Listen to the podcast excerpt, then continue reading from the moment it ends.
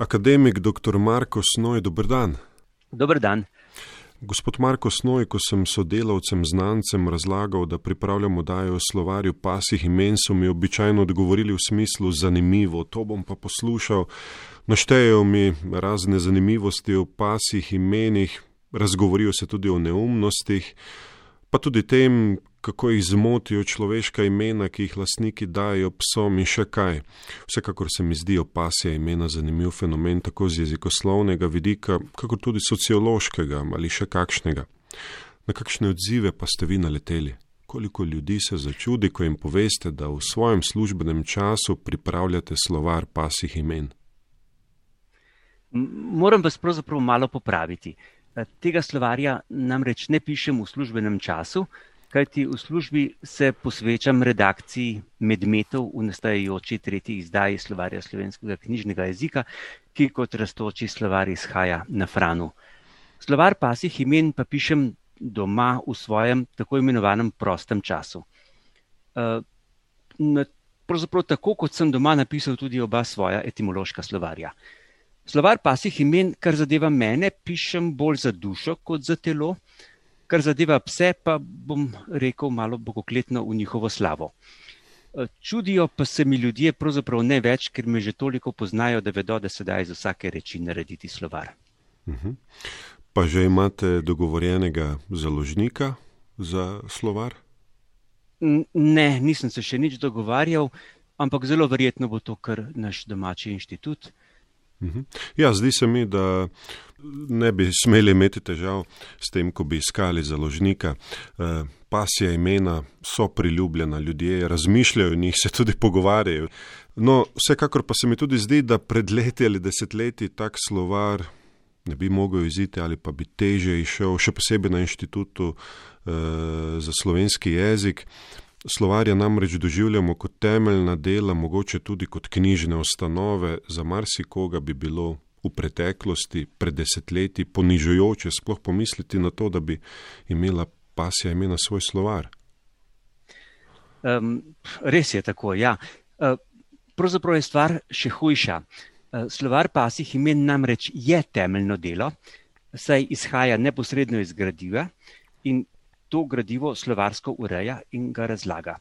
Res pa je, da to ni slovar osrednjega besedja mm, in ta slovar, katerega izid načrtujem morda čez kakšne dve leti, eh, pač prinaša lastno imenje naših najboljših prijateljev, eh, tistih, ki že približno 15 tisoč let živijo eh, sicer v podrejenem sožitju s človekom in ne v stalnih vojnah ali drugačnih sporih, kot med sabo živimo človeški rodovi. Danes bo seveda redko kdo še tako zadrt, da bo imel pisanje slovarja za ponižujoče dejanje, pa čeprav gre za slovar pasih imen.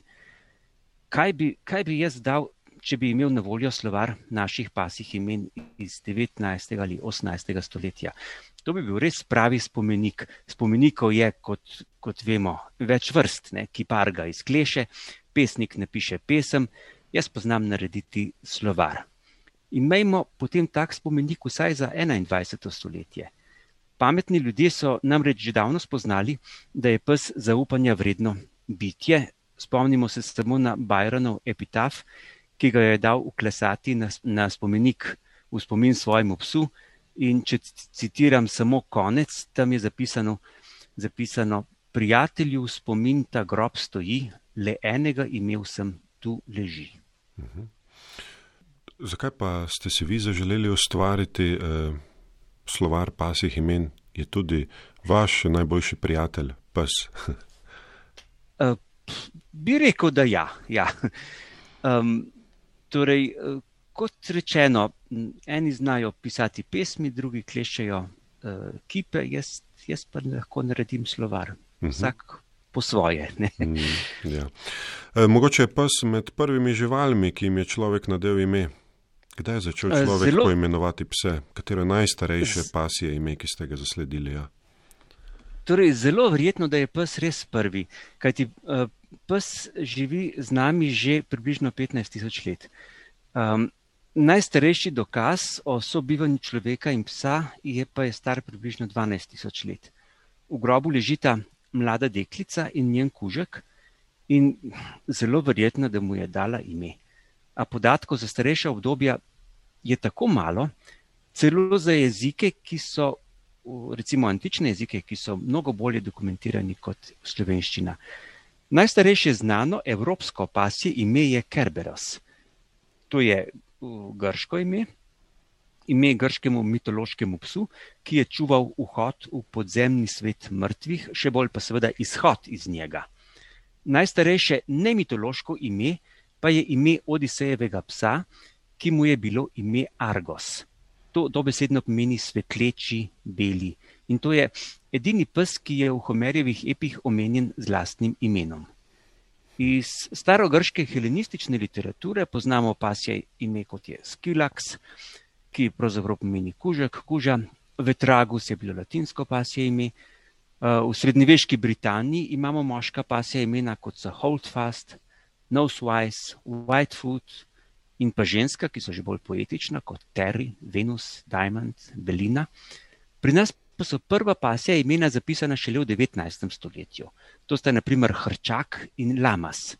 A naši psi so gotovo imeli imena že prej, samo zapisal jih ni nihče. Miti Fran Erjavec, ki je v 70. in 80. letih 19. stoletja zapisal precej kozjih, ovčjih in govejih imen, zlasti na slovenskem zahodu, ni zapisal niti enega pasjega. Čudno. Ja, zanimivi so ti eh, žlahtni primeri pasjih imen, ki jih navajate. Kakšni so vaši viri za pasja imena, kakšno je vaše gradivo? To je pravzaprav čisto prozaično. Gradivo je iz centralnega registra psov Republike Slovenije. To so imena, eh, če govorimo o točnih številkah, 221.939 eh, psov, ki so bili registrirani v naši državi novembra 2018. Mhm. Eh, posvetiva se zdaj konkretnim primerom. Reks je verjetno najbolj znano ime, vsaj za me. Kakšen je njegov izvor? E, ja, Reks je res najpogostejše slovensko pasje ime e, in jih je 4175. Izvira iz latinske besede rex, ki pomeni kralj. E, nedvomno pa to ime vzdržuje glavni lik iz avstrijske televizijske nanizanke, komisar Rex. In Rex seveda ni k nam prišel neposredno iz latinščine, ampak verjetno preko nemščine, kjer je to precej pogosto pasje ime. Uh mhm. -huh. Kako zanimiv fenomen so pasje imena. Um, sem uh, uvidel tudi potem, ko sem se začel pripravljati na to oddajo. Tik pred oddajo sem pomislil, katero je prvo pasje ime, ki sem ga sam zasledil. In uh, zanimivo je, uh, moja babica, ki je živela na podeželju, je imela psa, ki mu je dala ime taksi. Uh, pa takrat na deželi niso vozili taksi. Ja, uh, Ali je še bil kakšen taksi v Sloveniji? Kolikor jaz vem, je bil to edini, na katerega sem naletel. Ja, uh, torej taksi je še danes, pas je ime, vendar precej redko. Um, 20 jih je bilo novembra 2018, 20 živih taksijev. Uh, zakaj so dali tako ime? So, vem, ali je to res v zvezi s taksijem, avtomobilom ali kaj drugega? Uh, ta hip pravzaprav niti ne znam reči. Uh -huh. Psi so v mnogih jezikih poimenovani po vladarju, zlasti tujih držav, car, kajzer, sultan. Kako si to razlagate, ali gre za zaničevalen odnos do vladarjev ali pa nasprotno za pozitiven odnos do psov? Jaz mislim, da je oboje v enem. Eh, s takim imenom hkrati povemo, da je vladar tiste države toliko kot en pes, ne? Po drugi strani pa svojega psa povzdignemo v gospodarja vsaj svojega dvorišča. Turški sultan je torej vreden toliko kot moj pes, a obenem je tudi moj pes vreden toliko kot turški sultan. Ja, zanimiva razlaga. Ja. E, no, kakšne so še vaše razlage drugih pasih imen, ki ste jih zasledili, zanimivi primeri, ki nam jih boste predstavili? Tega je seveda ogromno, ne? ampak velika večina današnjih slovenskih pasih imen je izvorno človeških, praviloma celo krstnih, svetniških ali pa uh, svetopisemskih in antičnih imen. Um, mnoga med njimi so prevzeta prek angleščine, kar veliko pove o duhu časa, v katerem živimo. Nekoliko starejša angliška sposojenka, ki ima že 50 ali več let, je Bobby, eh, ki je danes 11. najpogostejše ime v Sloveniji. Eh, pas je seveda 1774 psov se tako imenuje. Eh, po izvoru je to seveda ljubkovalnica angliške klicne oblike Bob, krstnega in svetniškega imena Robert, ki je germanskega izvora. Ali pa vzemiva Aaron, ki je po pogostnosti na 23. mestu in je izvorno ime Mojzesovega brata. Zlasti imena s srednjo frekvenco so taka, medtem ko tista najpogostejša, kot smo že omenili, Rex ali pa Medo, Pika, Luna, pa so drugačnega izvora. Pa tudi tam na sredini je, je precej drugačnih, torej niso vsa, seveda, iz uh, svetniških in rojstnih imen. Tam imamo recimo Tačka, Brina, Lumpi, Muri, Capi, Čapi, Bučko, Runo, Tara, Bela, Lisko. V precej majhnem številu se ohranjajo neka domnevno stara imena, težko jim pravzaprav dokažemo starost, ker ni, ker ni zapisal, ampak vendarle to so imena, ki jih poznamo izpred 50 let na podeželju, kot so recimo Vari, kar je tipično ime za psa čuvaja. Ne. Je pa vsako pasje ime vendarle svoja zgodba, ki ne pridemo vedno do konca, če ne poznamo vsega ozadja. Tako je recimo ime Oto, ki je precej pogosto, in ga takoj povežemo z enako glasečim se osebnim človeškim imenom. In verjetno je res v večini primerov tako. A vsaj v enem je drugače. Poznam namreč primer, ko je lastnica, takrat še študentka, istega dne dobila psa in naredila izpit iz otorinolaringologije. Zato je psa poimenovala Oto. Ja, zanimivo. Vsekakor se mi pa zdi tudi zanimivo, ko ste omenili, da so nekatera imena imajo izvor v svetniških imenih. E, in to daleč nazaj v preteklosti so verjetno uporabljali ta imena za pse. Če bi pa vedeli, da se nanašajo na svetnike, pa jih verjetno ne bi uporabljali ali pa tudi. O ja, jaz, jaz mislim, da je to pravzaprav um, novejši fenomen. Namreč uh, danes imamo vse polno psov, kot je recimo Kaja, Kala, Beno, Jaka, kjer se tako že mal, malo slabo zavedamo, da so v zadju svetniška imena, pa vendarle so. Ne? Kaja je Katarina, uh, Beno je Benjamin, Jaka je Jakob. Um, ampak hkrati imamo tudi veliko Johnnyjev, Jackov, Benjijev, Jimmyjev, uh, kjer so spet v ozadju svetniška imena, ampak se jih ne zavedamo. Po drugi strani pa uh, seveda niso samo, ker človeška imena osebna so vendarle v osnovi večinoma svetniška. Ne? Imamo tudi iz občnih poimenovanj, kot se recimo poimenovani ljudi, kot so beba za majhnega otroka, ne, diva, lump, recimo, večkrat tudi angliški, kot je misi, pupa. Predvsej pogosto imamo pse po vladarjih, kot smo že rekli, ne samo Rex, car in kajzer, ampak tudi Dux, baron, Cezar, kan. Ali po antičnih in nordijskih bogovih, zanimivo, tudi teh je kar precej, kot je Ares, Pluton, Thor, Zelo redko pa po slovanskih bogovih, tako imamo samo 11 perunov v Sloveniji in samo eno mokoš. Vremenski pojavi so tudi pogosti, kot so recimo grom, blisk, strela, burja ali pa popularna kultura, naprimer Tarzan, Bond, Simba. Vse imenujemo po športnih junakih, kot je Messi, Sena, eh, po barvi dlake, kot je Lisko, Muri, Sneška. In seveda, ker postajamo angliška jezikovna provinca, ima mnogo naših psov angliška imena po barvi, recimo Blackie, Blue, predvsej pogosti tudi Shark. In ja, take reči so. No. Mhm. Ali bi bili vi užaljeni, če bi naleteli na psa, ki bi mu bilo ime Marko? Sam ne vem. Mm.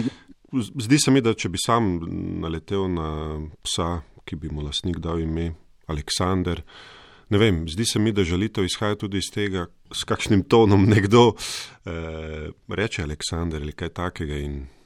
Če bi bil to nek normalen odnos, ne vem, če bi bil užaljen, no, se mi zdi. Vsaj jaz. Kaj pa vi? Um, ne, pravzaprav ne. Poglejte, se je uh, Janis Jalan celo napisal povest o Čar Marko. Uh, nič hudega. Ja. E, nekaj ste že povedali prej, koliko pasih imen imamo v Sloveniji? Torej, če, če zaokrožim številke, da, da, da, da se bo bolje razumelo. 222 tisoč psov ima 13 tisoč različnih imen, ki jih zapisujemo na 38 tisoč različnih načinov. Nekaj več kot ena polovica imen je enkratnih, to pomeni, da približno 6 tisoč imeni poimenujemo 215 tisoč psov. Pasjih imen, ki imajo po 50 nosilcev ali več, pa je samo 539. In teh 539 imen nosi 150 tisoč psov. To je najkrajše v številkah, kar se da povedati. E, kakšen je rodovnik pasjih imen in njihova pomenska motivacija? Torej, najpogostejša pomenska motivacija, kot sem že parkrat omenil, so rojstna, krstna imena in njihove klicne oblike in sicer izvorno slovenske ali angliške, redke nemške, tudi italijanske redko. Uh, tako imamo kar precej psov z imeni, kot so Kaja, Kala, Beno, Jaka, pa nekaj Johnnyjev, Blackijev, uh, Benjo in podobno.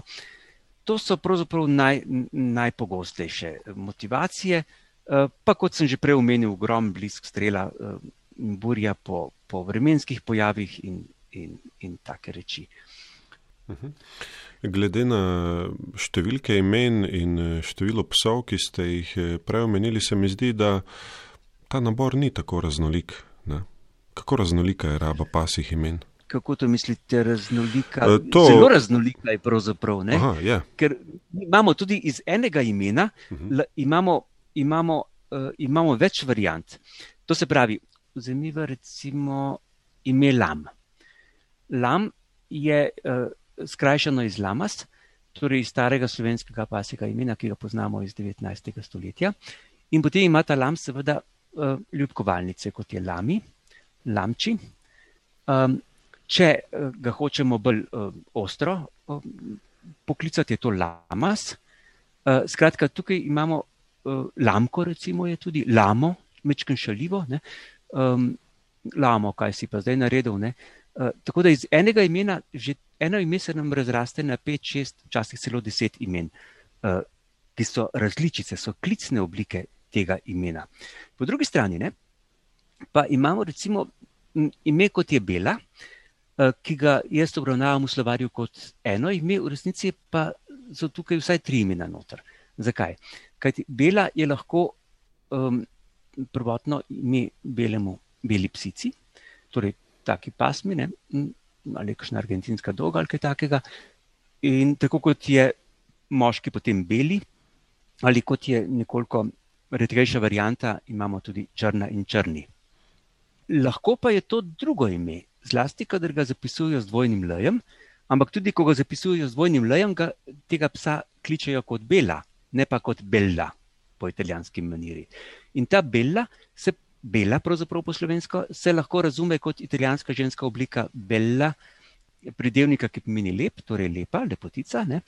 Uh, v resnici gre pa pravzaprav za, za spet za svetniška imena, torej za klicne oblike imen, kot so Arabella, Izabella, italijansko in od tam je potem ta uh, bela. Po tretji strani imamo pa tudi moško ime, moško pas je ime Bela, uh, ki pa je uh, prevzeto iz mačarščine. Eh, tam je eh, moško ime Bela z dolgim ejem in eh, izvira iz, iz mačarske besede Bel v starejšem pomenu srce, notranjost, danes pomeni bolj samo še čreva, kar ni ravno imenotvorno, imenotvorni pomen. Tako da imamo pravzaprav tri imena, ki so združena v enem, ker se enako enako izgovarjajo, tudi enako zapisujejo, lahko, ne, ne pa nujno. In um, iz treh dobimo enega ali pa iz enega deset, kako se vzame. Mhm.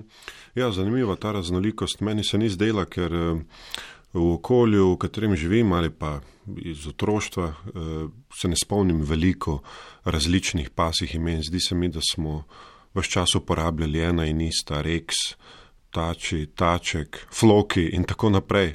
Ne vem, če se izpomnim deset iz otroštva. Naprimer. Aha, no, sej, kot rečeno, ne, dve, dve tretjini slovenskih psov nosi 539 imen. Vsa preostala imena so, so zelo, zelo, zelo redka. Ne? Več kot 6000 je enkratnih. Uh mhm. -huh. In to, to so pač enkratnice, ki, ja, ki jih res redko slišimo. No? Mm.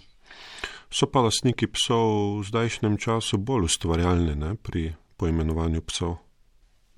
Ime zdaj dosti krat pride skupaj s psom, ne, že legla in ta imena dosti krat, eh, so dosti krat angliška, ker se pač, kot sem prej rekel, ker postajamo pač angliška eh, provinca, ljudje mislijo, če je kaj imenitnega, mora biti kar po angliško.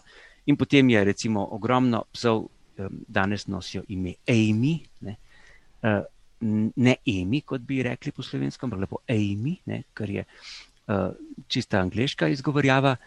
Um, gre pa spet za svetniško ime, ki je v osnovi latinsko, oziroma italijansko še danes amata, drugače pa francosko ime, torej ljubljena dobesedno, ne, ali pa recimo Winston, ne, zapisano z dvojnim V-jem, dvojnim V-jem in tudi izgovorjeno po angliški maniri, ne slovensko kot Winston, ampak Winston. Uh, tega, tega je pač precej. Včasih niti ne vemo, kako se izgovori tako ime. Recimo, če je ime, ki je tudi relativno pogosto in se zapisuje kot ZACK, uh, jaz ne vem, se to izgovarja Zak ali Zek. Vprašati bi morali lasnika. Mhm. Um, Ali ste zasledili tudi kakšne neumnosti pri pasih imenih? Ja, to, kar sem zdaj povedal, že malo meji ne, na neumnost, ni pa še prava. So, so, seveda, teh, teh je. Neumnosti nikdar ne zmanjka, saj vemo, da neumnost korenini v nevednosti. Uh, nevednost je pa komod in čez komod ga ni, pravi slovenski pregovor, torej tudi čez neumnost je ni.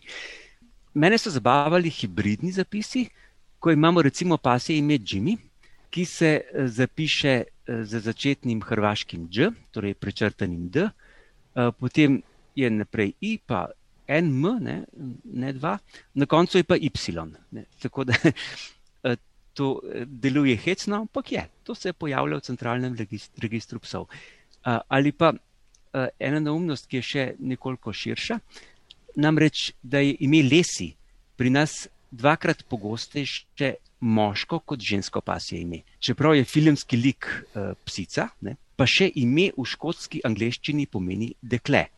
In pa ni to ime tako, tako neredko pri, pri nemških očarjih. Človek bi pričakoval, da bi samo škotski očarji bili lesiji, ne, uh, če že moški, ampak ne, predvsej je nemških očarjev. Hmm. Gospod eh, Marko Snoj, akademik, dr. Marko Snoj, eh, pripravljate slovar pasih imen in to v prostem času. V prostem času ste pripravljali tudi etimološki slovar. Eh, kako obsežen bo slovar? Če bi sklepal na to, kako veliko delo je bil etimološki, bo tudi to delo veliko. Torej, koliko strani bo imel, pravzaprav še nisem izračunal in tudi težko rečem ker je to od mnogih faktorjev odvisno. Ampak prav, prav ta nek, ta slovar, seveda ne bo, kajti gre za 12.824 pasjih imen, od teh jih bo 539 najmanj razloženo tudi iz etimološkega stališča. Tako da prav, prav nekega tankega dela si od, iz tega ne moremo obetati.